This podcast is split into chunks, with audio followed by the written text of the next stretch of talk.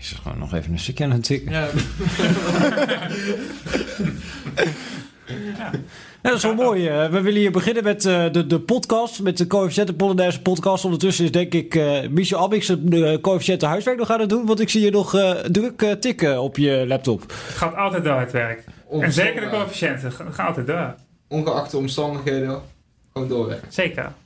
Zeker. Heel goed. Ja, en we horen iets andere afleiden. stem dan normaal bij deze coëfficiënten Polonaise podcast.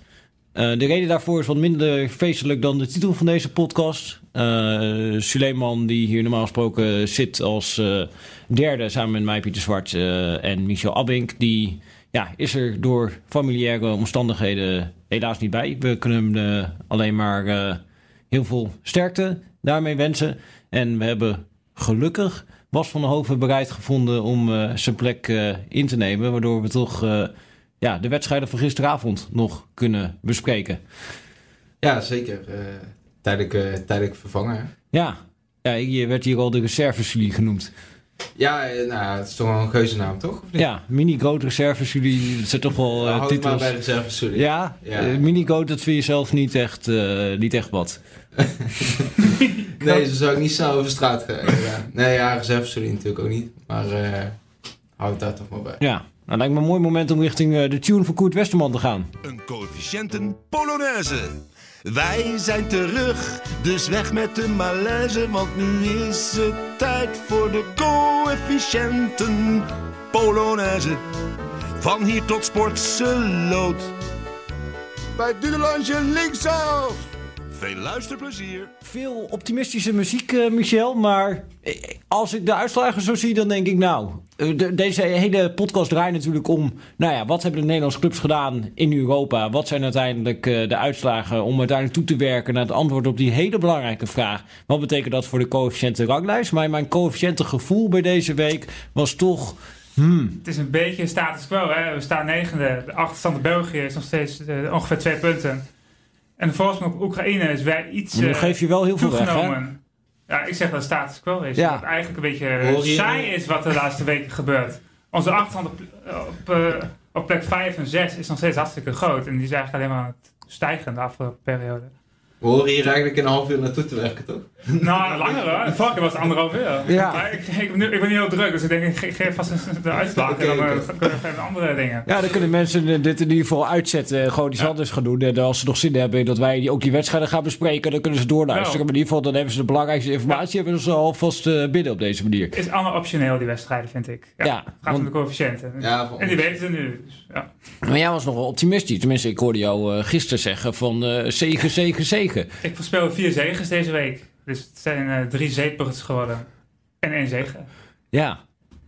Ja. Waardoor we in totaal 0,8 punten hebben veroverd. En ik rekende stilletjes eh, op meer dan één eh, vol punt. Dat hadden we echt wel nodig om aan te haken bij de top 6. Want daar gaat het eigenlijk om de top 6. Het gaat niet om plek 12. Dus we staan nu boven Oostenrijk. Maar die moeten we altijd onder ons houden, Oostenrijk lijkt me.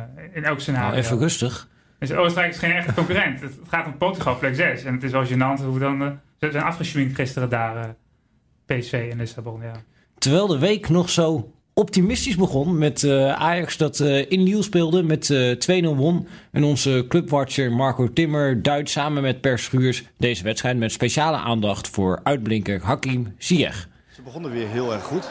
Weer een hele snelle goal. Maar daarna was het niet zo hoogstaand. Het rommelig. Ik denk dat dat ook heel veel te maken heeft met eh, de toch wel vele wisselingen in het, eh, in het elftal. Op vijf plaatsen was het eh, gewijzigd ten opzichte van de vorige wedstrijd.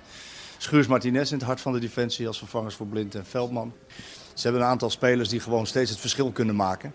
En je ziet dat Ziyech niet eens heel erg groots hoeft te spelen om, eh, om de ploeg bij de hand te nemen. Hij wordt door eh, Ten Hag steeds meer de, de patron van de ploeg genoemd. Hakim is gewoon een hele goede speler voor ons, heel belangrijk. En eh, ja, het is gewoon fantastisch hoe hij elke wedstrijd speelt. En dit was toch wel een spectaculair begin eh, van de week. Ik weet nog dat we, we zaten natuurlijk eh, hier te kijken. Eerst Valencia-Chelsea als eh, voorprogramma.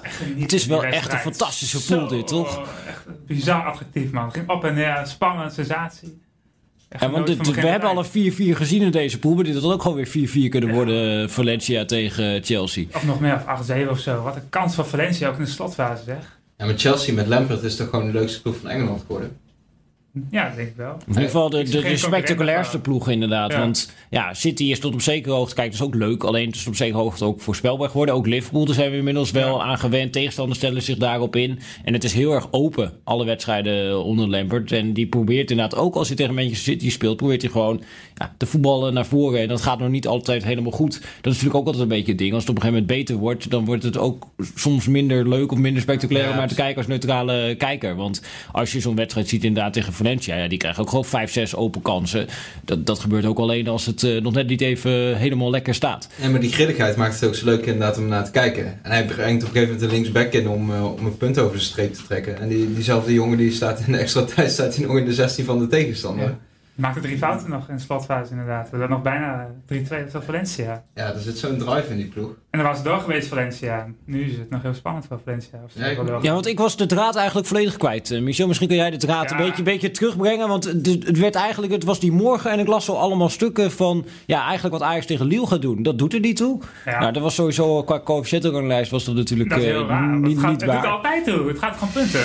Als je wint, dan heb je gewoon een viertiende punt. Dus elke wedstrijd doet het toe. Dan lig je eruit of niet. Dus dat vind ik altijd een heel rare benadering. Maar ook voor de stand eh, in de pool werd inderdaad gesteld van... nou ja, misschien is het minder belangrijk. En nou, ook was er een enorme discussie over... wat was nou voor Ajax de meest gunstige uitslag bij Chelsea-Valencia. Een zege van Valencia vond ik het meest gunstig. Want, Want, want dan is die club uitgespeeld op de laatste speeldag wanneer ze naar Amsterdam moeten. Dus gaan ze een B-team opstellen, lijkt mij. Want in de competitie hebben ze nog genoeg te doen. In de competitie hebben ze helaas nog goed te doen. Heel veel te doen, eh, inderdaad. Ze staan tiende volgens mij uit mijn hoofd. Heel groot achterstand al op de top drie. Dus dat was echt wel een B-team eh als het ingezet in de Nou ja, dat leek mij, dat leek mij ook eh, Ja. het meest logisch om op te hopen Ja. als eh, voor de Ajaxide. Het rare was als je die ochtend eh, de stukken las, eigenlijk de conclusie was die wedstrijd in Niel deed er niet toe. eh, ze konden zich maar beter sparen al bijna voor de laatste speeldag. Ja, dat is echt heel raar. Ja, en ondanks dat hij er eh, niet toe deed... eh, Ajax had in ieder geval niet, eh, begon niet met die intentie aan de wedstrijd. Want het was redelijk snel eh, Ja. 1-0 met eh, fantastisch doelpunt weer. Ja, zeker. Ja, het, het kwam ook door Lille. hè. Ik moet zeggen, ik vond het een ontzettend leuke eerste helft. Ja, waarin het tempo heel hoog lag. Eh nou, Oshimen, die raakte al heel, heel snel eh, oververhit eigenlijk. Hè? Die, Ja. die ging ieder duel... De spits van eh Lille. Ja, Die, die tot grote proporties wordt opgeblazen. Ik vind dat ook altijd wel grappig hoe dat gaat. Want eh, ik weet nog inderdaad, eh, als ze dan beginnen tegen Ajax, dan gaan we die ploeg eh, kijken. En wij hebben toen ook al inderdaad geschreven over Osimhen, dat hij veel scoorde, et cetera, et cetera. Maar er zitten natuurlijk veel meer spelers in deze ploeg die wel goed kunnen voetballen. En het wordt op een gegeven moment teruggebracht tot alsof alleen die jongen iets kan. Terwijl Icone bijvoorbeeld, dat was toch wel ook vorig jaar samen met eh Nicolas Pepe, was wel een van de dragende spelers eh, in het team. Een van de grotere talenten eh, van Frankrijk. Nou, Bamba is natuurlijk gewoon ook echt een, een hele goede buitenspeler. En ook die Turk die ze rechtsbuiten hebben staan, Yachichi, dat is ook gewoon, gewoon een goede voetballer. En er zit best wel veel nou, ja, voetbal in deze ploeg. En Ajax had natuurlijk ook wel geluk dat Lille, die speelde de laatste week een beetje 5-3-2. En eh, twee centrale verdedigers ook geblesseerd. Dus zij hadden net als Ajax eigenlijk hetzelfde probleem. Waardoor ze weer teruggingen naar 4-2-3-1. Wat ze vorig jaar wel gespeeld hebben in het begin van dit seizoen. Maar daarna een tijdje niet. Maar je zag wel dat daar inderdaad eh, de, de vastigheden weer een beetje nog weg waren. Zeker in die openingsfase. Eigenlijk het eerste moment dat Lille probeert om onder die druk van Ajax uit te voetballen. Met een opening van die keeper op die linksback. Ja, zet Ajax het daar vanaf twee kanten vast met Labiat en Dest. Winnen ze die bal en meteen eh, ja, tegenaanval. En dat is ja, dat is ongelooflijk hoe deze ploeg dat toch doet. Dat is ook wel het knappe aan Ajax, hè? de patronen die je ontdekt, gewoon de vastigheden in die ploeg. Want als je kijkt naar die wedstrijd, eh, de rechterflank, ze eindigen met Dest en Lang daar. Ja, Schuurs eh, die centraal staat. Ja, als je naar de poppetjes kijkt, is de invulling natuurlijk niet ideaal. Maar Ten Hag heeft eigenlijk zo'n stabiele basis daar neergelegd dat iedere speler ook op lijkt kunnen terugvallen. Zeker als de druk hoog wordt bij Lille, want de, ze hadden er heel veel power voor in. ja. En het leek wel alsof Ajax die druk gewoon absorbeerde, zeg maar. Rustig bleef en eh, wachtte op zijn kansen. Ja, want er was vooraf natuurlijk een enorme discussie over hoe gaat hij dat eh, invullen met eh Joe Veldman en eh Daley Blind die er niet bij waren. Er werd uiteindelijk werd dat eh per met Lisandro Martinez achterin met Mascoui erbij op het middenveld. Hoe vonden jullie dat het liep? Ja, ik moet zeggen, ik begrijp, ik, ik begrijp dat Ten hiervoor koos omdat de nood hoog was, centraal achterin. Maar ik begrijp nooit zo waarom Mascherwie, als iedereen fit is, ook genoemd wordt als een goede optie voor centraal op middenveld. Dat in mijn ogen, ik weet dat hij daar in de jeugd eh, regelmatig Mhm. gespeeld heeft. In mijn ogen, als je qua type spel, is het toch veel meer een back. Omdat hij eh, het veel meer van versnellingen moet hebben. Ik zie hem op het middenveld eigenlijk niet vaak een paas geven waarvan ik denk, oh, daar heeft hij echt vooruit gedacht. Eh, en van daaruit het spel versnellen. Mhm. En ik denk dat hij met zijn snelheid en loopvermogen en een goede voorzet heeft hij, veel makkelijker speelt vanaf de flank. Voor hem zelf is dat denk ik ook prettiger. Kijk, als rechtsback, rechts van je kan er in principe niets gebeuren. Eh, door de zijlijn natuurlijk. Dus positioneel is het eigenlijk de makkelijkste positie. Eh, en ja, de switch maken dan naar, naar centraal op middenveld, waar natuurlijk een beetje chaos is om je heen, waar je ruimtes moet herkennen, is denk ik heel lastig voor hem. En ik vind dat je dat ook nog wel terugziet in zijn spel. Ja, maar vorig jaar natuurlijk bijvoorbeeld die bekerfinale tegen Willem II... heeft hij op het middenveld wel heel erg eh, goed gespeeld. Maar Ja. dat was natuurlijk nog wel naast eh ander, andere type middenvelders. Want in dit geval was hij natuurlijk wel eigenlijk een beetje de meest controlerende op het middenveld. Eh, natuurlijk samen nog wel met eh Donny van der Beek. Maar dat is natuurlijk ook een speler die veel naar voren gaat. Eh, en wat dat betreft, ja, hij is misschien beter in een rol zoals Donny van der Beek dat nu verveelt op het middenveld... dan inderdaad als enige ja, echt controlerende middenvelder zoals hij eh, nu was. En dan ja, krijgt hij natuurlijk ongelukkig die gele kaart. En daarna heb je eigenlijk continu het gevoel, die jongen die gaat zo rood pakken. Ja, klopt. Ik, begrijp, eh, ik begrijp ook niet, eh, ik, ik vond het een heel logische wissel van Ten. Maar als ik de Lille-trainer was, dan was ik met Osim en eh, had ik ook wel gevreesd voor rood.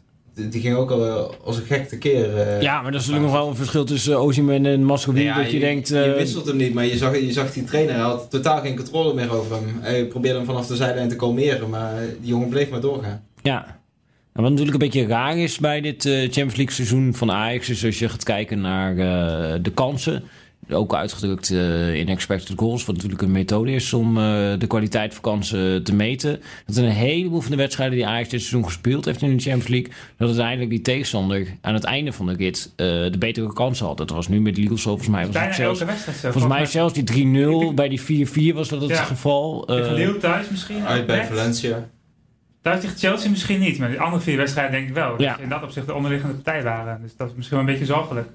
Als ze overwinteren op het hoogste niveau. ja, dan zegt, krijgen we eh, natuurlijk. Ja, ik vraag me al iedere keer, ik vraag mezelf ook wel iedere keer af wat dit nou precies dan zegt. Want ook als je zeg maar wel die wedstrijd eh, zit te kijken en Ajax komt snel eh, op voorsprong. En eigenlijk de eerste helft is niet zo heel erg veel aan de hand. Ze komen dan redelijk snel dan op die 2-0 en daarna komen er inderdaad ook nog wel weer allerlei kansen voor Liel. Maar je toch ook weer niet het gevoel van, oh dit kan ieder moment een soort van fout gaan. Ja, ik heb het idee dat Ajax aanvallend dit seizoen minder afhankelijk is geworden van dominantie in een wedstrijd. Het samenspel daarvoor in met Promes en met Ziyech, die, die kunnen heel mak ze kunnen makkelijker toeslaan zeg maar, als ze de onderliggende partij zijn. Ja, ze hebben natuurlijk veel snelheid. Met eh David Neres er ook nog eh, bij als hij eh, fit is. Zie ik inderdaad die dan eh, diepte kan zoeken. Tadic die natuurlijk eh, heel bewegelijk is. Van de Beek die er dan nog bij komt. Er zit natuurlijk heel veel scorend eh, vermogen in de ploeg. En ik denk ook als je inderdaad naar, naar, naar die cijfers gaat kijken. Iets dieper erin. Dat je eigenlijk wel ziet dat als de wedstrijd nog gelijk is. Dus inderdaad eh, 0-0 was het dan alleen niet zo bij die 4-4. Maar dan sta je met 9 man. Maar dat dan Ajax eigenlijk vaak wel nog het betere heeft van het veldspel en de betere kansen heeft. En pas als, die tegen, als Ajax op een gegeven moment op voorsprong staat en die tegenstander moet komen, dat ze dan wat kansen weggeven. Maar dan is er altijd eh André Onana nog natuurlijk. Ja, en het heeft denk ik ook te maken. Ik denk, denk dat je daarin, eh, waar we het net over hebben met expected goals, spelbeeld, eh, dat je daarin ook wel het gemis van eh Frenkie de Jong en de Licht vooral terugziet. Ze zorgen natuurlijk voor bepaalde controle in de eerste fase van, van het spel. Nou ja, die heeft Ajax dit seizoen natuurlijk minder met eh, Martinez en eh, Van de Beek als centraal blok. Ja, Eh, en van achteruit is het voetbal, nou, het blind speelt natuurlijk geweldig. Alleen je- bent daar wel min- minder dominant dan je vorig jaar was. Ja, ik vond het wel interessant wat eh, André Onana er deze week in VI over zei. Want die zei eigenlijk, ja, Frenkie de Jong en eh Matthijs Ligt natuurlijk hele goede spelers. Ik gun ze alle succes van de wereld bij Juventus en Barcelona. Een mooie stap voor hen. Maar eigenlijk waren dat spelers in het elftal die ook redelijk makkelijk te vervangen waren.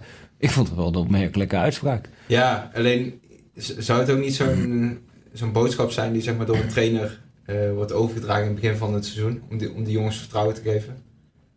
Nou, ik had wel het idee toen ik het las, want hij zei volgens mij iets van ja, dat een, dat een eh, veelscorende spits of dat een eh, keeper dat het moeilijker te vervangen is dan dit soort spelers die dan nou, achterin of op het middenveld staan. Ja, ja, ik vraag me dat af. Want als je naar de transferbedragen ki- kijkt internationaal, dan denk ik eh, relatief dat de prijzen voor een nummer 6 de laatste jaren meest gestegen zijn. Die zijn eigenlijk het schaarst op, op de internationale transfermarkt. Mhm. Daarom werd er ook zo getrokken aan de Jong. Daarom Ja. wilde Guardiola ook eh Rode Ja, samen met backs, die zijn natuurlijk ook een stuk duurder geworden. En keepers, die zijn ook wel duurder geworden. Ja, dus ja, of een veelscorende spits dan per se lastiger te vinden is op de hedendaagse markt dan een type Frenkie de Jong. Eh, dat vraag ik me eerlijk gezegd wel. af. Nou ja, voorlopig eh, heeft eh, Onana gelijk, in ieder geval qua, qua resultaten. En Ajax eh, lijkt er bijna te zijn. En tegelijkertijd kan het nog wel moeilijk worden op die laatste speeldag. Eh, ze gaan gewoon door Ajax. Tegen Valencia thuis. Die, die, gaat, die gaan ze winnen of gelijk spelen. Dan is Ajax altijd door in elk scenario. Dus Ja, ik heb alle geen... vertrouwen in tegen Valencia. Die zijn heel slecht dit jaar uit de strijd. En je bent wel de Valencia-kenner. Ik ben een Valencia-fan. Ja. ik mag het best wel zeggen. Ja. Ik heb dit jaar bijna elke wedstrijd gezien op één na Valencia. En zit je ook niet mee, hè? eh, het is een heel zwaar leven, moet ik zeggen. Ja. Dat ik heel vroeg vanmorgen. Eh nee, die gaat zeker winnen, Ajax. Ja, daar heb je Ja. geen enkele twijfel over. En Dus- dat betekent eh, een vol extra coëfficiëntenpunt, toch? Ja, oftewel, ja, infopunt. En dan gaan we echt eh, inlopen op België. Want nu is het verschil nog ongeveer twee punten met België. Maar als we dan infopunten bij krijgen, dan is het verschil nog maar één punt. En de Belgen, die hebben Genk en Club Brugge in de Champions League. Die liggen allebei al uit, uit de Champions League. Dus ze pakken geen bonuspunten. Dus eh, die Belgen zijn de klos binnenkort. Oké. Oorlogstaal. Ja, ja. Je moet zwaar aanzetten dit. Ja. Dat is gewoon belangrijk. Ja, want Ja. nu ook weer die overwinning op Lille. Dat levert ons eh, twee punten op. Delen door het aantal deelnemers is 0,4 Ja, coëfficiëntenpunt. je zit er goed in. Ah, man. Ja, heel goed. Ik hoef niks meer te doen hier eigenlijk. Dat is een coëfficiënthuis. Nou ja, je moet aan het einde. Coëfficiëntenkoning. nee, je hebt inderdaad nu de stand al verteld, maar je, je, je zei Nog, nog niet net. helemaal. hè? Nee, en je zei net voor de uitzending tegen mij: we moeten het vandaag hebben over coëfficiëntenafhankelijkheid. Dat is heel belangrijk, coëfficiëntenafhankelijkheid. Ja, dus eh, de, daar gaan we eh, zo naartoe werken. En dat begint eh, met eh, nou, de eerste Nederlandse ploeg die niet won eh, in dit eh, Europese week. En dat werden er daarna nog eh, twee. En die eerste ploeg, eh, dat was eh, Feyenoord. ik denk dat dit wel de, dat de uitslag de wedstrijd wel recht doet. Alleen ja, Narsing kreeg er wel een aardige kans op het einde. Die kwam een beetje ongelukkig uit met zijn, met zijn passen. Dus het had gekund. Maar ik denk dat, eh, dat dit wel het maximale was. Hoewel Feyenoord voor rust wel aardig speelde, moet ik zeggen. Daarna viel de ploeg wel weer terug. Dat zag je wel, zie je wel vaker. Dat het eh, nog steeds niet in staat is om een, om een redelijk tot goed spel op langere periodes vast te houden. Maar uiteindelijk ja, weer niet verloren onder advocaat. En, en nog steeds uitzicht op, eh, op de volgende ronde. Hè. De, de, de kans is er. Het, is, het wordt moeilijk, maar het is nog niet verloren. Dus ja, daar moet eh, Feyenoord zich maar aan vasthouden. Feyenoord Rangers eh, 2-2. En voor een eh, artikel op VPRO heb jij de hele wedstrijd eh, gefocust op eh Luis Sinistera, Bas. Wat, eh, wat is je opgevallen? Nou, ik was eigenlijk wel benieuwd hoe hij het als, eh, als spits zou doen. We kennen hem natuurlijk als, als de buitenspeler, als die dribbelaar. En, Nou, eh, we kennen hem eigenlijk niet voor dit seizoen. Ja, klopt. Nou, een, Een van de, exotische verrassing die nooit mocht meedoen. een van de best bewaarde geheimen eh, van Rotterdam, hè, was het eh, vorig seizoen. Nou, ik vond het wel opvallend, moet ik zeggen, als je naar zijn dribbelstatistieken kijkt. En je vergelijkt bijvoorbeeld met de linksbuiters bij eh, Ajax, eh, PSV en AZ. Dan heeft hij de beste statistieken als het gaat om het aantal geslaagde dribbels. Bijna 7 per 90 minuten, geloof ik, toch? Ja, klopt. En eh, ja, dan is het de vraag hoe, hoe uit hij dat in de, in de punt van de aanval natuurlijk. Ja, tegen Groningen vond ik hem heel dreigend. Ja, het deed me een beetje denken aan Jamie Vardy. Iedere keer als, als Feyenoord de bal won, dan ging Sinistera zocht als, als een gek eigenlijk eh, de diepte. Zonder twijfel eh sprintte hij eh, naar voren. En daarmee bracht hij de Wierik wel echt in de problemen. Ehm, Had nog groot moeten zijn, volgens had nog groot moeten zijn. Zo ontstond eh, de 0-1 van Feyenoord ook. Ook Ja. een beetje op die manier. Ja. En het viel dan eigenlijk op als je naar zijn, ehm, zijn touchmap eh, kijkt. Waar, waar op het veld hij aan de bal kwam. Dat was Ja. het echt alleen centraal. Het leek alsof advocaat hem had gezegd van ja, de flanken zijn verboden terrein voor jou. Nou, zeker gezien de context met Jaap Stam, waar hij ook een paar keer in de spits heeft gestaan. En dan bewoog hij inderdaad wel veel weg naar de flanken. En dan in dit geval eh, zag je inderdaad dat hij eigenlijk alleen in het midden van het veld bleef. Waarschijnlijk ook omdat hij dan wel die diepte vanuit daar kon verzorgen waar Precies. advocaat eh, naar zoekt. En advocaat wil geloof ik, tenminste hij had het over een beetje zoals Liverpool, waarbij hij meteen zei, niet op het niveau van Liverpool, laten we daar nu geen eh, grappen Maar met de over backs op de maken. Maar inderdaad, met, met die backs op de flanken en dan een vrije rol vanaf de vleugel voor eh, Larsson en eh, Berghuis. En dan ja, is het ook wel fijn inderdaad als die spits een beetje in de bal komt of diepte maakt, maar dat hij niet eh, alsnog naar de vleugel gaat lopen, want dan loop je elkaar daar in de weg. Ja, de twee meest gevaarlijke momenten van Feyenoord eigenlijk in het eerste half uur ontstonden eigenlijk ook op die manier. Hè? Eh, de e- eerste was een voorzet van Geert Truida vanaf rechts, waarin de Sinistera eigenlijk heel handig eh, naar de bal toe eh, bewoog. En de tweede was natuurlijk de goal, voorzet van eh Malasia. Sinistera kwam net niet aan de bal, maar ja, eigenlijk de tweede bal werd gewonnen en Toornstra scoorde natuurlijk. Ja. Alleen Rangers wa- wa- was voor hem een totaal andere test eigenlijk dan Groningen. Omdat die, die twee centraal achterin bij Rangers, ja, zijn niet de snelste. En ja, die, die zakte in de eerste helft wel echt terug. Had ook deels te maken met de goede, goede druk van Feyenoord, denk ik. Ja. Want Feyenoord speelde in de eerste helft goed. Eh, maar de ruimtes voor Sinistera om in te duiken waren daardoor klein. Hij moest zich eigenlijk veel vaker laten uitzakken. eh, ja, om mee te helpen bij het combineren. En ik, ja, ik vond dat hij dat eigenlijk opvallend goed deed. Eh, heel rustig aan de bal, maakte de juiste keuzes. Hielp Berghuis nog aan een goede Ja. kans. Ja, ik, ik vond het wel indruk maken. Je merkt af en toe, vind ik, dat hij in een kansrijke positie nog erg onrustig is. Het hoort denk ik ook een beetje bij zijn leeftijd. En ja, hij heeft natuurlijk nog weinig ervaring. Vorig seizoen bijna niet gespeeld. Ja, die afwezigheid in die voetbalpyramide helpt er ook, eh, ook niet bij.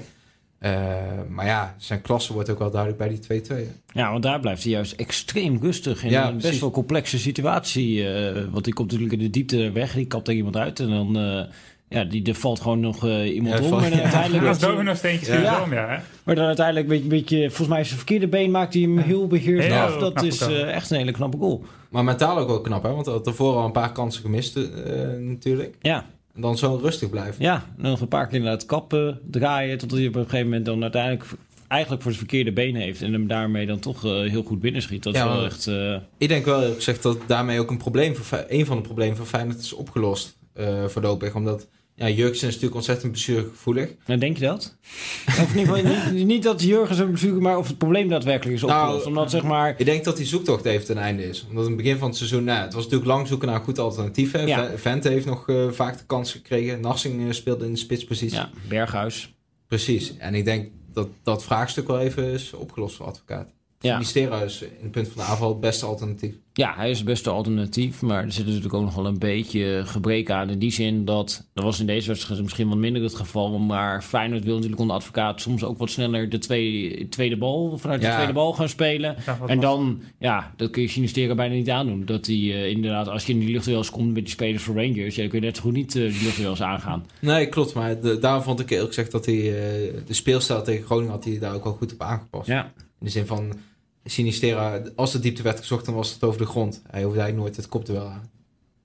nee, dat ging eh, hartstikke goed. En dan uiteindelijk gaat het toch nog eh, ja, een beetje mis voor Feyenoord. Eigenlijk twee voorzetten, twee keer die spits die dat toch... Ja, het is ongelooflijk hoe die, goed die kan koppen. Ja, het is wel een beest hè, Morelos. Ja.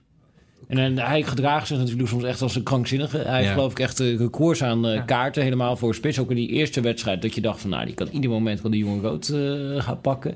Maar nu laat hij dan toch wel weer zien waarom hij eigenlijk ontzettend goed is... door twee keer fantastische positie te kiezen... en twee keer echt ongelooflijk goed ook binnen te koppen. Ja, technisch knap ook hè. Als je kijkt, je, je ziet dat steeds minder eigenlijk. Echt kopsterke spitsen nog. Eh, hij heeft het wel. Hij is ook vrij compleet. Hij is Ja. sterk aan de bal, maar ook nog redelijk snel. Ja, het lijkt me eerlijk gezegd een nachtmerrie om als verdediger tegenover te staan. Dus het is wel een boze jongen, hè? In die duels, ja.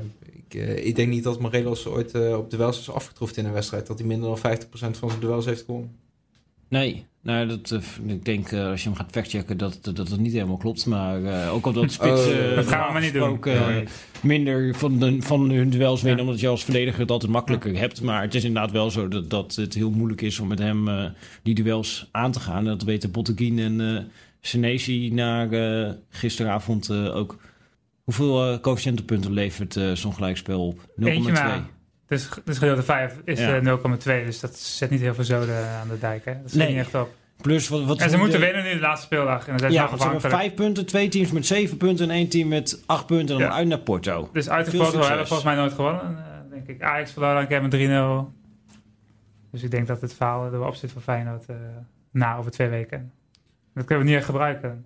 Nee. Als we hebben ook over coëfficiënt afhankelijkheid. Nee, klopt. En toch denk ik wel dat het punt tegen Rangers hoop heeft gegeven. Want ik vond Rangers wel... Ik, ik vind het wel echt een goed voetballende ploeg. Ze kregen maar twee kansen, Rangers. En die gingen er allebei in. Ja, Wat dat klopt. betreft moet je ook wel vertrouwen geven. Dat ze heel- eigenlijk heel weinig hebben weggegeven, Feyenoord. gisteren. Precies, want als je de verbetering zag eigenlijk ten opzichte van die wedstrijd in Glasgow.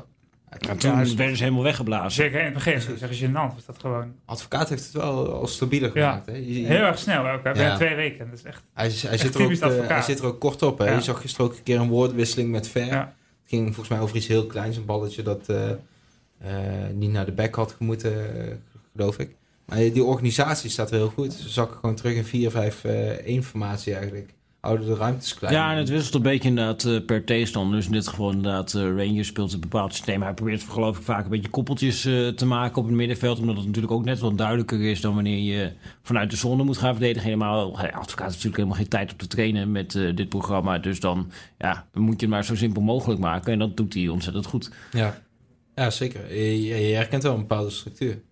En je merkt wel dat, nou, als je het over koppeltjes hebt, ver ligt dat uh, denk ik wel. Hè? Dus wel een strijder in dat opzicht op het middenveld. Ja. Toren schrijft hetzelfde. Ik vond Kukcu heel goed spelen gisteren. Dus ja, ik heb wel het idee dat die middenvelders daar in ieder geval gebaat bij zijn. Ja, Feyenoord uh, werd 2-2. Op hetzelfde tijdstip afgetrapt was AZ. Dat werd uiteindelijk ook 2-2, maar wel een 2-2 met een iets ander gevoel dan de 2-2 van Feyenoord. Variërend van nou ja, blunders die, die tegentreffers inleiden. Onnodige gele kaarten, veel wegens praten. Een, een rode kaart zelfs voor Boadou, wegens praten. En een Schwalbe. Een zware blessure voor Hatsidiakos. Nou ja, tel dat allemaal bij elkaar op en je komt niet uit op een feestelijk verhaal. Totdat Druif inderdaad inkwam, een gewaagde wissel van... en ook noodzakelijke wissel trouwens van Arne Slot. die kwam erin voor diezelfde Hatsidiakos. En ja, nu gaan ze door Europa heen. De slechtste wedstrijd van het seizoen misschien wel van AZ en toch gewoon door in Europa was toch wel een uh, rare, vreemde avond uh, voor AZ. Ja, de collega Sam Planting uh, deed de analyse en die vertelde ook al eigenlijk dat de ploeg, nou, onherkenbaar is een groot woord, maar hij zei eerlijk is eerlijk is dit gewoon de slechtste wedstrijd van het seizoen voor AZ. Want normaal defensief heel, heel stabiel is. Ja. Ik had, geloof ik, heb ze, ze hadden in maar zeven van de 21 wedstrijden of zo een goal tegengekregen. Klopt, klopt, klopt. Ja. Ja. ja, en de kwetsbaarheden van AZ, de snelheid achterin, dat werd tegen Partizan uh, wel duidelijk. Hè? Ja, dat begon natuurlijk al met die uh, 1-0. Waar op een gegeven moment op het middenveld, wat, wat ook helemaal niet typisch uitzet, is geen drukkers op de bal. Dan wordt die bal erachter gelegd, achter dat centrale duo. En dan ja, ligt hij erin. En daarna gewoon een fout in de opbouw waar iemand onder druk wordt aangespeeld, waar dat eigenlijk niet kan. En dan sta je 2-0 achter. En toen was eigenlijk ineens alles weg. Wat, wat je normaal gesproken altijd terug ziet bij AZ. Ja, ik, ja, ik moet zeggen, je wordt er wel heel vrolijk van als je naar AZ kijkt. En gisteren, ze waren dan onherkenbaar. In zekere zin, uh, het aanvalspel was minder vloeiend. Mm -hmm. De mhm. vastigheden achterin waren er niet. Maar het past dan ook wel weer in het seizoen dat dan een onverwachte held opstaat, hè? Met Ferdy Druif. Ja, die was natuurlijk eigenlijk ook al de held in de wedstrijd tegen Antwerpen. Wat natuurlijk ook zo'n heel vreemde wedstrijd uh, was van uh, AZ, waarmee ze uiteindelijk de Europa League halen. En ik kan me wel voorstellen als trainer dat het wel heerlijk is om soms spits achter de hand kopsterk. te hebben. Ja, kopsterk inderdaad. Aanspeelbaar in de duels. En met name natuurlijk gewoon goed in de 16 bij NEC. Belachelijk veel gescoord uh, in de keukenkampioen-divisie. Daarvoor natuurlijk ook bij uh, Jong AZ op datzelfde niveau. Nou, ja, in de voorbereiding heeft hij wat kansen gekregen. Maar het was al redelijk snel duidelijk. Boadu, dat wordt de man. Maar voor dit soort wedstrijden is het toch heerlijk dat je hem achter de hand hebt. En er nog even in kan zetten. Als je ballen gaat pompen, dan wil je zo'n type voorin hebben staan natuurlijk. Het is ook wel mooi, die selectie lijkt in dat opzicht ook wel ja, perfect samengesteld. Hè? Ze hebben allerlei verschillende wapens. Het, ja, met Druif, ze zijn natuurlijk wel minder gewend ook om op hem te mhm. spelen als het ware. Maar het is wel een plan B. Zoals weinig Nederlandse teams uh, dat hebben op dit moment. Ja, want de goals vallen eigenlijk uh, nadat AZ naar die uh, zwalbe van Boadu, zoals Simon zei, waar hij zijn tweede gele kaart voor kreeg. Pas daarna maakt AZ nog die comeback. Dat is ook wel redelijk ongelooflijk. Ik ben ook wel benieuwd of Drive vanuit hier zeg maar, kan doorstomen. Denk je, in welk rijtje gaat hij uiteindelijk komen? Wordt het echt een, Nederlandse topspits? Nou, ik vind dat bij Druif heel erg lastig, omdat als je ziet zeg maar, wat Druif goed kan, dat is inderdaad dus ja, in die 16 en daar positie kiezen, dat op een goede manier uh, afwerken. Dat kan niet met rechts, dat kan niet met links, dat kan niet met zijn hoofd. En dan staat hij altijd op de goede plek. Dat is ook natuurlijk de manier waarop hij zich in deze wedstrijd uh, onderscheidt. Alleen, het probleem is natuurlijk een beetje, dat zie je natuurlijk veel met die spitsen. Pak een beetje, ik wil hem niet vergelijken met uh, Sjoerd As, maar dat is zeg maar zo'n voorbeeld. Zo'n spits die dan altijd in de keukenkampioen-divisie veel scoort. En die komt dan op een gegeven moment uh, naar de eredivisie. En dan op de een of andere manier ja, lukt het steeds niet. En dat is ook alweer verklaarbaar, omdat nou, als hij dan in de Eredivisie gaat spelen bij een club, eh, in dit geval Druif, dan is de kans groot dat dat ja, voorlopig zolang Boadu is, is niet bij eh AZ is. Nou, dan kom je misschien bij een club Minder in het rechte rijtje, kom je dan terecht, ben je minder dominant, kom je minder in de 16. En dan denk je, ja, ja mee voetballen, misschien toch wel matig, in de kleine ruimte niet heel sterk, heeft soms wat moeite om een bal vast te houden, heeft niet heel veel diepgang, heeft niet heel veel bewegelijkheid. Dan komen in één keer alle mindere aspecten van een spits die hele specifieke kwaliteiten heeft eh, aan het licht. Dus eigenlijk hij presteert het best bij een team dat altijd dominant is, maar misschien is hij net niet goed genoeg om alles te spelen bij een team dat dominant is. En hij heeft misschien ja, zo'n tussenstapje nodig, zoals weet je wel, Huntelaar ooit bij eh Herenveen. Ik denk dat hij soms soort team nodig heeft, zeg maar, dat wel aanvallend voetbal speelt, maar misschien net wat minder is dan eh AZ om misschien even die meters te maken waarmee hij misschien ja, net dat stapje omhoog kan zetten. Maar ja, het zou me ook niet verbazen als hij uiteindelijk nooit helemaal het niveau van AZ1 aantikt. Maar misschien kan hij via een omweg kan hij er wel komen. En dan in één keer, of hij is er klaar voor als Boadu eh, ooit een keer vertrekt. En dan kan hij in één keer wel doorstoten. Ik denk dat dat, het kan echt wel twee kanten op met hem. Eigenlijk een subtopper die een eigen huis eh, domineert. Extra Ja, ik denk dat dat voor hem ideaal zou zijn, ja. Ja, ja. Ja, ik ben benieuwd. Ik moet ook altijd een beetje denken aan Tom Boeren. Dat was denk ik ook een ja die, die kan ook in het rijtje zelfs, met erachter. voorbeeld, ja. ja. In de jeugd ook altijd eh, vaak scoren natuurlijk. Ja. Omdat je dan ja, bij een dominante ploeg zit. In de eerste divisie een heel goed jaar gehad. Ja. Bij Top Os schoot er volgens mij meer dan 30 in. Ja, in de Eredivisie Drie jaar komt het er geleden. net niet- Ja, In de Eredivisie ja, kwam het er helemaal niet uit, Nee. eigenlijk. En toen ging hij naar Twente, toch? Na Ja. dit jaar. Ja.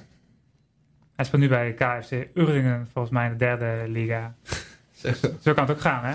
Ja, zo kan het ook Ja. gaan. Ik hoop niet dat het, eh, dat het toekomstperspectief is eh, voor Freddy Druif. Nee, dan kun je misschien eerder nog even naar een subtopper in de Eredivisie. eh, Ja, ja, ja. En ja, hij, hij kan natuurlijk ook nog wel even geduld hebben met uh, Boadu. Zal wel een keertje geblesseerd zijn en is nu weer een keer eh, Geschorst. Dus eh, hij gaat spelen Ja. tegen Manchester United. Want dat wordt natuurlijk eh, een stukje coëfficiëntenbewustzijn wat we daar nodig hebben. Het gaat allemaal op plek 1. Ze moeten er gewoon vol voor gaan. Als je wint heb je 0,4 punt. Dus eh, ze, ze moeten echt geen B-team eh, gaan opstellen. En dat gaan ze ook niet doen natuurlijk. Op dat terrein. Nee, AZ niet, maar United geen- wel natuurlijk. United wel een D-team gisteren. Ja. Een E-team was het gisteren. Is 20 jaar gemiddeld of zo lastig als je de keeper Ja, niet meerekent. De keeper was natuurlijk 36, Grant. Lingard was de aanvoerder, hè? Ja, die is 27. Ja. Ook een bejaarde voor dat elftal Lijkt nog wel altijd 21, Hij, lijkt wel 19 of, eh, of Ja, 18 inderdaad. ja. Nog zo Zo inderdaad. gedraagt zich ook wel een beetje. Maar ze waren slecht United. FC Astana was gewoon beter eh, in de tweede helft sowieso. Ja, ik moet zeggen, Chong, Echt schokkend hoor. Chong viel me ook wel tegen. En Chong valt Je had nog wel een aardig kansje die, die, die Ja. toch? Je had er misschien wel ingekund, of niet? Ja, die, die had er Ja. ingekund, ja. Ja. ja. ik moet zeggen, Chong valt me eigenlijk best vaak tegen als hij daar de kans krijgt bij United. Ja, ja, als invaller, maar ook, ook als basisspeler. Gisteren was het toch een, een kans om je te onderscheiden. Uit Ja. tegen Astana, dat niet heel veel van kan hebben gezien, twee tegen AZ. Het, is, het is allemaal nog erg jeugdig, hè? Ja. Weinig rust en overzicht. in Hij wordt toch al. 20 volgens mij, of bijna 21 Ja. misschien. Dus je zou verwachten dat hij misschien wel verder is in zijn ontwikkeling. Ja, en moeite als hij in de duels komt vaak. Want het is natuurlijk eigenlijk zijn kwaliteit is dat Ja. hij kan dribbelen. En dan in die jeugdteams, dan zie je dat ook. Dan denk je, jongen, jongen, dit is heel bijzonder. Ja. En dan probeert hij het inderdaad in zo'n wedstrijd, bijvoorbeeld in de Premier League. En dan ja, kom je tegen zo'n mandekker Ja. van 6, Het 27. ziet er heel En pijnlijk als je uit. inderdaad in die duels komt, het, het lijkt dan echt altijd een soort van jongetje tegen Ja. de mannen. Klopt. Ja, want ik denk als, zeker als dribbelaar vanuit de jeugd is het ook bijna onmogelijk om door te breken in de Premier League. Inderdaad, door die speelstijl. Of je moet echt van de Ja, buitenkant zijn. exceptioneel moet je zijn. Hudson Odoi bijvoorbeeld Ja. nu. Maar als, als je Maar zelfs die heeft nog moeite Ja, om ja, aan te precies. haken. Maar die is- Pulisic die binnenkomt bij Chelsea, die natuurlijk al jaren Ja. bij Borussia Ja. Dortmund gespeeld heeft. Het grote talent is van Amerika. Ja, die heeft ook gewoon een paar maanden nodig om er überhaupt een beetje in te komen en door te komen. Ja, hoe, hoe oud is uh, Hudson Odoi? Even oud als Chong? Nou, iets jonger. Iets jonger. Iets jonger, Ja. ja. Ja. Ja, fysiek is natuurlijk ook wel een verschil. Maar Ja. ik, vrees wel een beetje voor Chong. Ik, ik Ook zie- qua overzicht heeft hij ook dat vaak niet in de eindfase. Nee. Dan zie je dat hij heel onrustig, heel Ja, raar het probleem bij United is natuurlijk ook dat het is niet zoals eh, City of zo, dat ze een heleboel samenwerkingsclubs hebben. Dus dan heb je bij zo'n jong ook een beetje het risico dat je hem naar de championship gaat sturen. ja, dan En wordt dan, dan niet kun je eigenlijk van, al voorspellen dat dat niet gaat lukken. Nee, Nee. Omdat het net te fysiek is. En dan word je misschien op een gegeven moment zelfs naar de League One of zo gestuurd. En dan word je helemaal eh, Nee. niet blij van. Gaat Het doen. zou, het zou toch top zijn als, je hem, eh, als we hem in de Eredivisie kunnen zien. Die competitie past er ook eh, perfect bij, denk ik. Ja, ik denk dat dat voor zijn ontwikkeling Misschien dat wel dat, eh, hartstikke mooi zou In de zijn. winterstop. Waarom niet? Of, of PSV. Ja, ja, zou die daar wel goed genoeg zijn? Of moeten we een categorie lager eh, zoeken? Vitesse of zo. Ja, bijvoorbeeld. Dat, eh, dat niveau. FC Groningen. Ja. Ik denk niet dat hij dat wil trouwens. FC Nee, ik, ik begreep... zie het niet helemaal goed voor me. eh, Lente Godijk, onze collega, had met hem gesproken. eh, In. Brazilië bij het WK. Ja, begin van, Nee, begin van. Nee, hij was niet bij het WK. Nee. begin van dit Geen fake news eh, Nee, verspreiden. Nee, Michel. nee. Nee, maar daar vertelde hij ook over, toch? Dat er interesse was vanuit Nederland. En Ja. dat Solskjaer echt een plan met hem had. eh, met hem gepraat had. En eh, ja, hem overtuigd had om vooral te blijven en te wachten op zijn kans. Alleen, ja, ik heb wel de indruk dat Solskjaer dat bij heel veel talenten doet. En Solskjaer loopt er ook een beetje mee te pochen, hè? Ze- Ja, ze- gisteren ook. man. Hij was heel blij. Dat is Ja. ja. vanaf Astana. Hij was echt vrolijk, jongen. Ze Hij had alleen maar die talenten. Ja, ze Van- verspeelden punten bij Sheffield United. Echt kostbare coëfficiëntenpunten waren dit voor Engeland al gisteren. Daar je niemand over. Het gaat alleen maar over die talenten. Nee, die Engelsen hebben minder coëfficiënten bewustzijn. Veel- Helemaal niet. Die, Nee. die, ja, die staan Die gewoon tweede. misschien Die ook kunnen staan. Die hebben het ook niet echt nodig, inderdaad. Nee. Ja, dat scheelt. Ze hebben aardig oogst bij elkaar gevoetbald al. Ja, maar die Solskjaer, die, die verspeelt dus punten met Ja. United bij Sheffield United. Die, ja, heel erg zuur mis.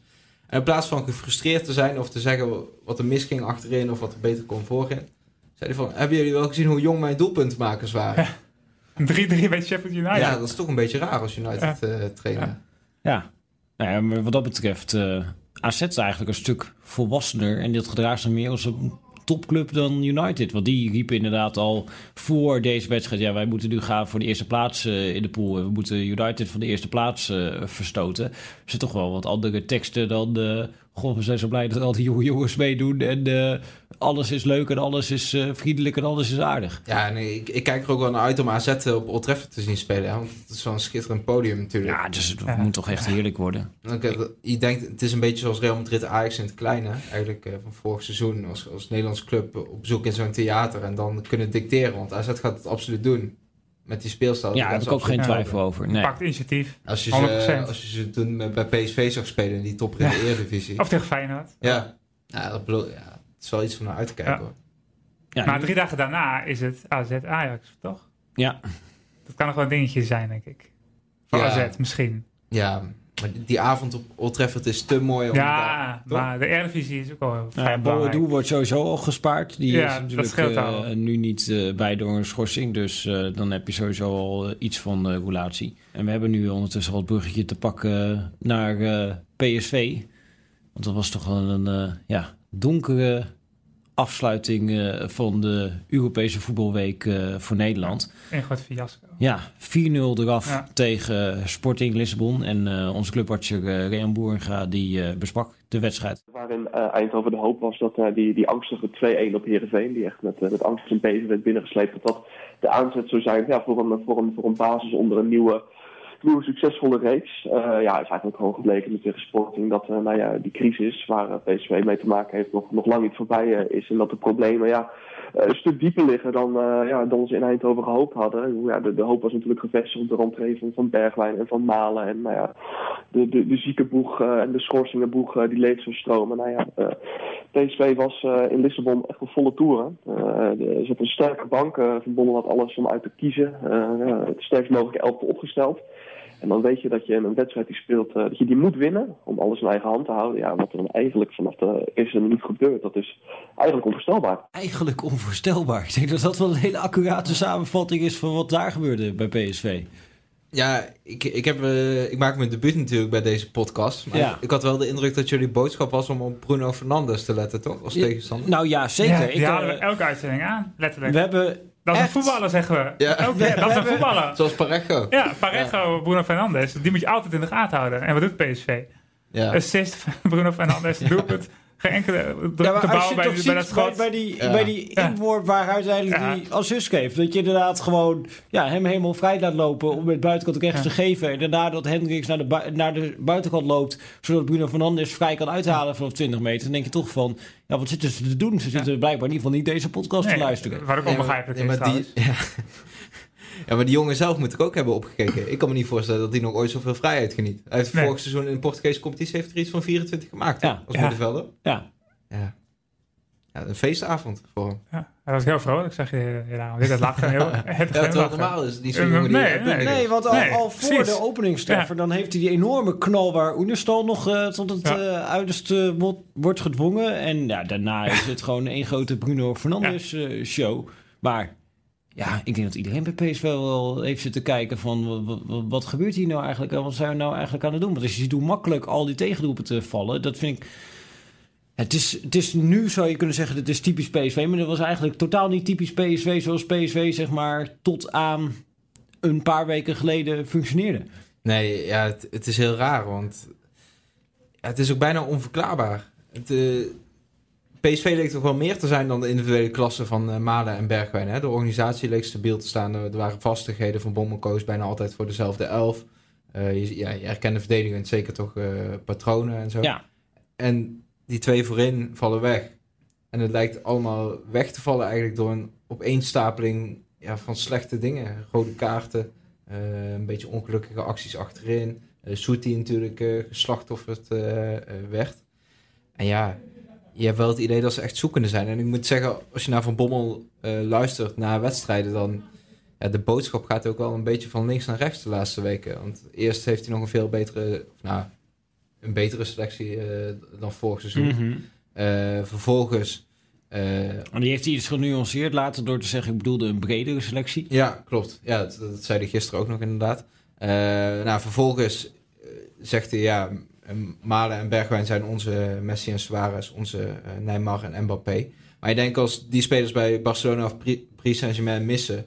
en ze gaan op bezoek bij een, ploeg die veel minder kwaliteit heeft, zoals Willem II bijvoorbeeld.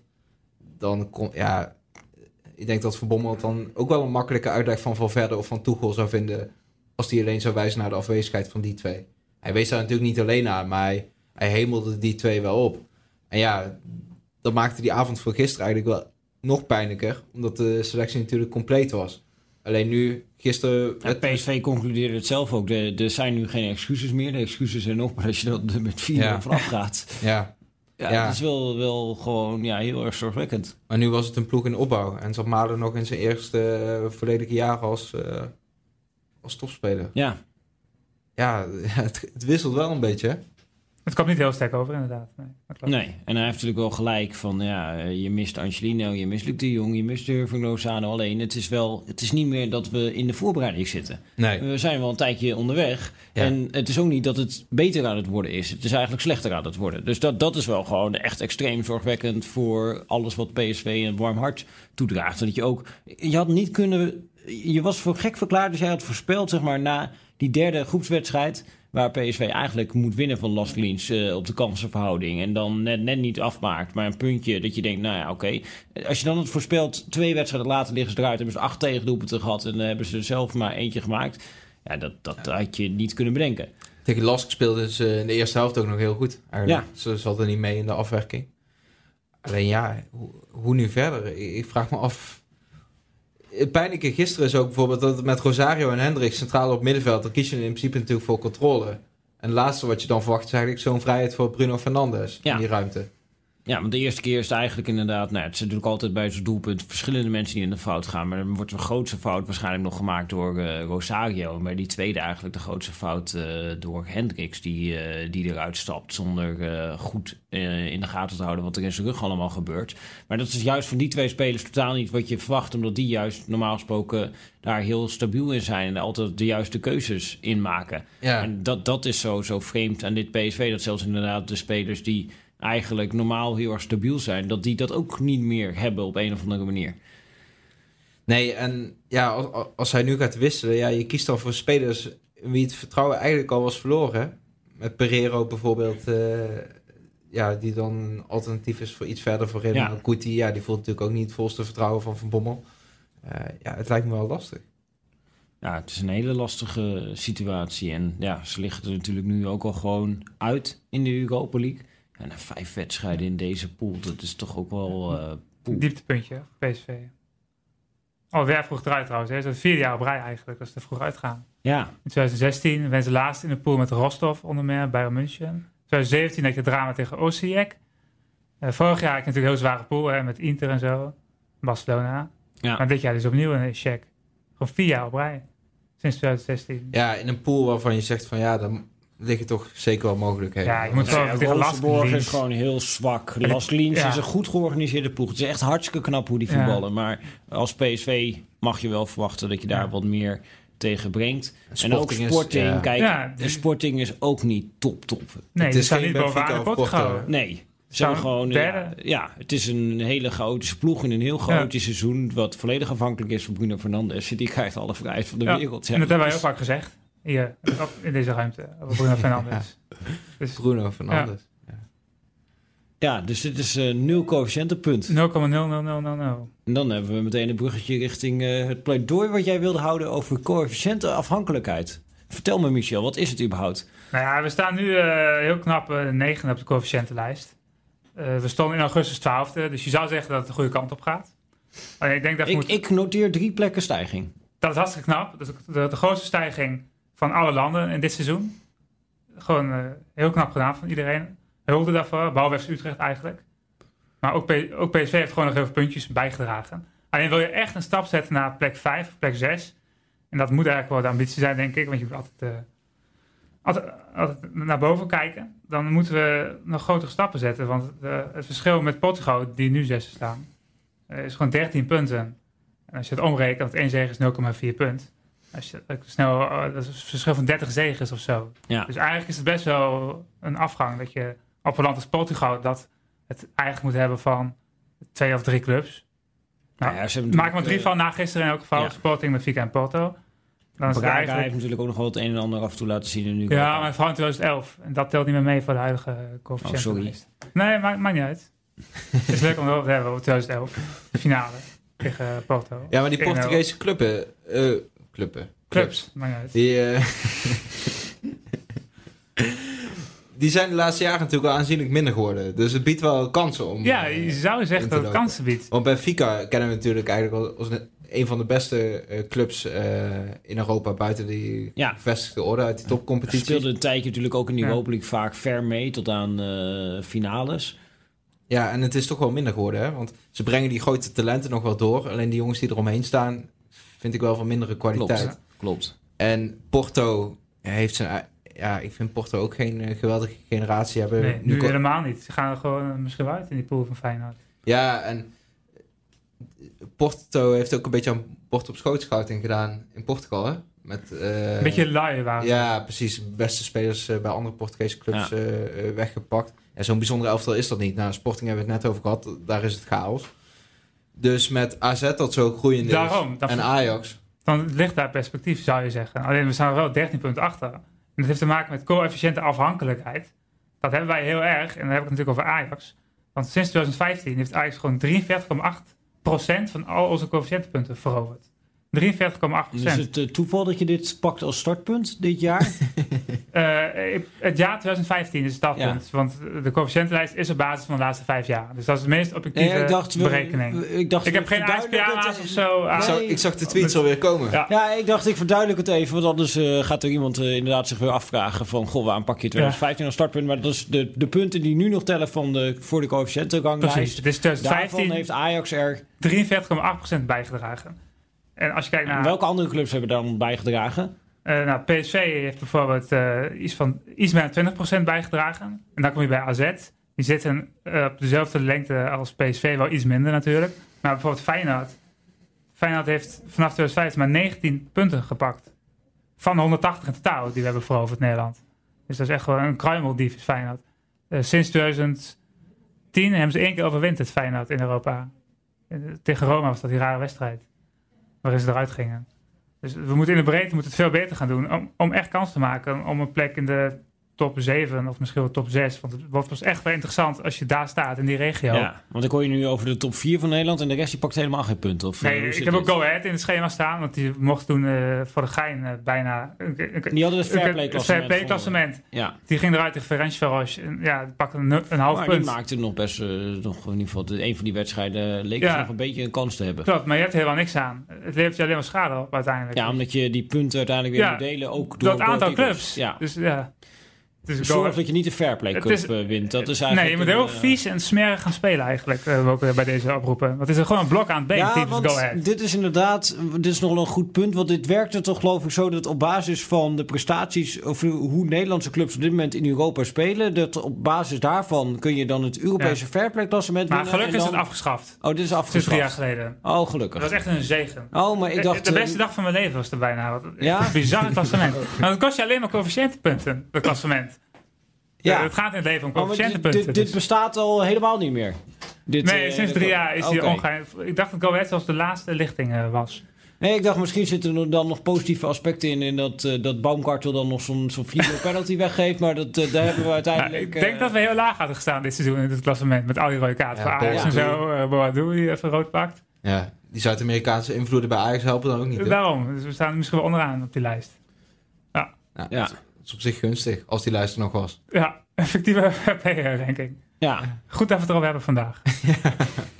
Ja, die coëfficiënte afhankelijkheid. Ja, dat, dat, maar wat dat betreft gaat dit seizoen toch ook niet heel veel anders meer worden. Want eh Feyenoord is natuurlijk een hele kleine kans. Ja, AZ kan, ja, die, die Nou ja, kan nog punten gaan pakken. eh, vorig jaar eigenlijk natuurlijk alleen Ajax. Hè?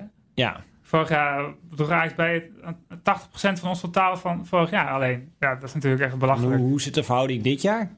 Dit jaar is het veel, eh, veel beter verdeeld, veel eerlijker verdeeld. Want als je puur kijkt naar het aantal punten, heeft Ajax 14 punten gepakt. AZ 11,5 punten. Die zijn gewoon 11 wedstrijden op rij ongeslagen, hè, AZ in Europa. Ik ben wel, 11 op rij, dat is echt gigantisch knap. ik ben wel benieuwd hoe jullie AZ eigenlijk inschatten. Want eh, in de pool vind ik het zelf nog een beetje lastig. Want ja, je zit natuurlijk bij Manchester United dat altijd met een B, C of D-team eh, speelt. Dus stel nou AZ komt eigenlijk in de knock-out fase. Eh, nou, ze zijn geplaatst eh, bij de eerste loting, eh zeer waarschijnlijk. Hè? Het ligt eraan of ze eerst of tweede worden in de pool. Ja, als ze groepswinnaar worden, dus als Ja. ze winnen bij United, dan zijn ze geplaatst bij de loting. Daar ga je vanuit als ze winnen bij United. Ja. Oké, Ja. ze winnen bij United. Ja, Veel punten erbij voor de coëfficiënten. En een beschermde status bij de loting. dan kun je volgens mij in de achtste finale... Zou je een- 16e finale. ja, precies. Maar in Ja. de achtste finale zou je dan een ander groepshoofd als een typische Europa League ploeg als Nee, Sevilla dan heb je een vrije loting. Oké. kun je ook al een team... eh, als je eerst wordt, kun je nog wel een team dat derde is geworden in de Ja. Champions League pakken? Of van de Ja. vier slechtste nummers drie's krijg je dan. Dus dan zou je in theorie, ook tegen Valencia, Valencia. nee, dat wordt, dat wordt een van de beste nummers drie. Ja, die hebben veel Ja. punten gepakt. Ja. Dan pak je bijvoorbeeld de nummer drie van de pool van City, eh, Atalanta of zo. Ja. Dat zou in theorie kunnen. Hoe schatten jullie de kansen van AZ in tegen Atalanta bijvoorbeeld? Ik vind, ik vind het zo moeilijk om dat eh, te plaatsen. Ja, de teams lijken wel veel op elkaar, denk ik.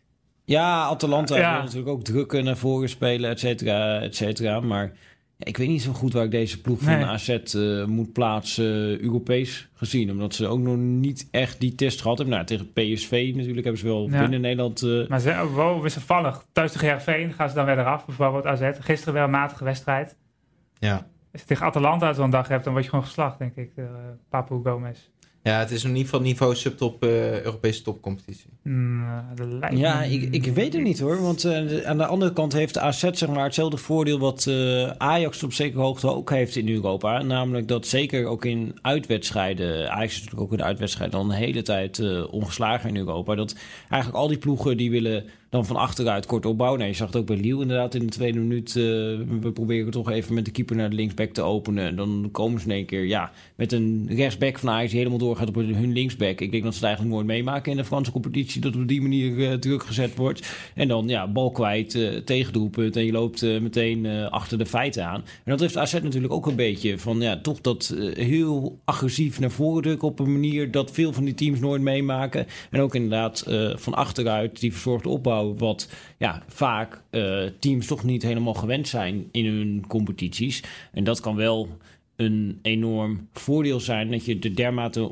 onderscheidende speelstijl hebt. Dat voor veel teams dat toch wel ja, wennen is. En ook een beetje de vraag is van hoe moeten we daar mee omgaan. En AZ heeft natuurlijk ook wel aangetoond. Ook weer met het eh, succesvolle plan B van afgelopen week. Dat ze ook kunnen variëren binnen die speelwijze eh, die zij hebben. Dus wat dat betreft, ja, dat, dat, dat zou wel hoopgevend moeten zijn. Alleen, het is natuurlijk ook een heel jong team waarvan een heleboel spelers hebben nog nooit op dit niveau het eh, laten zien. Dus eh, ja, we moeten denk ik ook niet heel verrast zijn als AZ op een gegeven moment een totale off-day heeft en het is dan in één keer uh, klaar klaar. het Europese sprookje. Ook heel veel wedstrijden spelen ze natuurlijk ook in korte tijd dan in, die knock-out fase. Je speelt dan echt elke week letterlijk een Europese wedstrijd. Ja. Vanaf de 16e finale, dat is echt wel Ja. Ik zou ze wel eens graag gewoon tegen een ploeg als Bayer Leverkusen of zo eh, willen Ja, die gaan ook eh, Die waarschijnlijk gaan als een van de zwakkere eh, nummers drie. Dat lijkt me ook, ja. toch? Maar die hebben Ja. nog wel kans om door te gaan, hè, Ja, kleine kans. Ja, dan moet Atletico eh, thuis verliezen van Lokomotief. Ja, die kans is nihil, eh, 0,0. Ja, dat zal sowieso eh, spectaculair zijn. eh, Ja. als Ja, dat, gaat 8-8 of zo. gebeuren. Ja. 11-6, zoiets. Het wordt VE Travel naar Leverkusen. Ja, precies. Heb je, heb je nog een coëfficiënt weerbericht eh, als eh, stichtelijk woord eh, aan het einde voor ons, Michel? Nou ja, op zich hebben we, het lijkt heel raar, maar ten opzichte van de, van de teams die in onze regio staan, hebben we het best wel goed gedaan eigenlijk. We hebben 0,8 punten. Eh, België 0,6, Oekraïne 0,2, Turkije 0,6. Dus ik zou zeggen, het is nog steeds een maand augustus, denk ik. Maar echte buien die komen er wel aan, vrees ik. Omdat PSV eruit ligt. En Utrecht hebben we ook al kwijt. Dus het is niet meer hoogzomer, zeg maar. Die, om- die omslag is aanstaande. Oei. De gure buien eh, die zijn al eh, aanstaande aan het Nou, ik werk. beloof wat voor de volgende keer dat we gaan opnemen, Nou, het ligt aan Feyenoord. Als die er ook uitgaan, dan hebben we best wel eigenlijk alsnog een matige periode eh, achter de rug. Dus- Tijd om de paraplu van zolder te halen.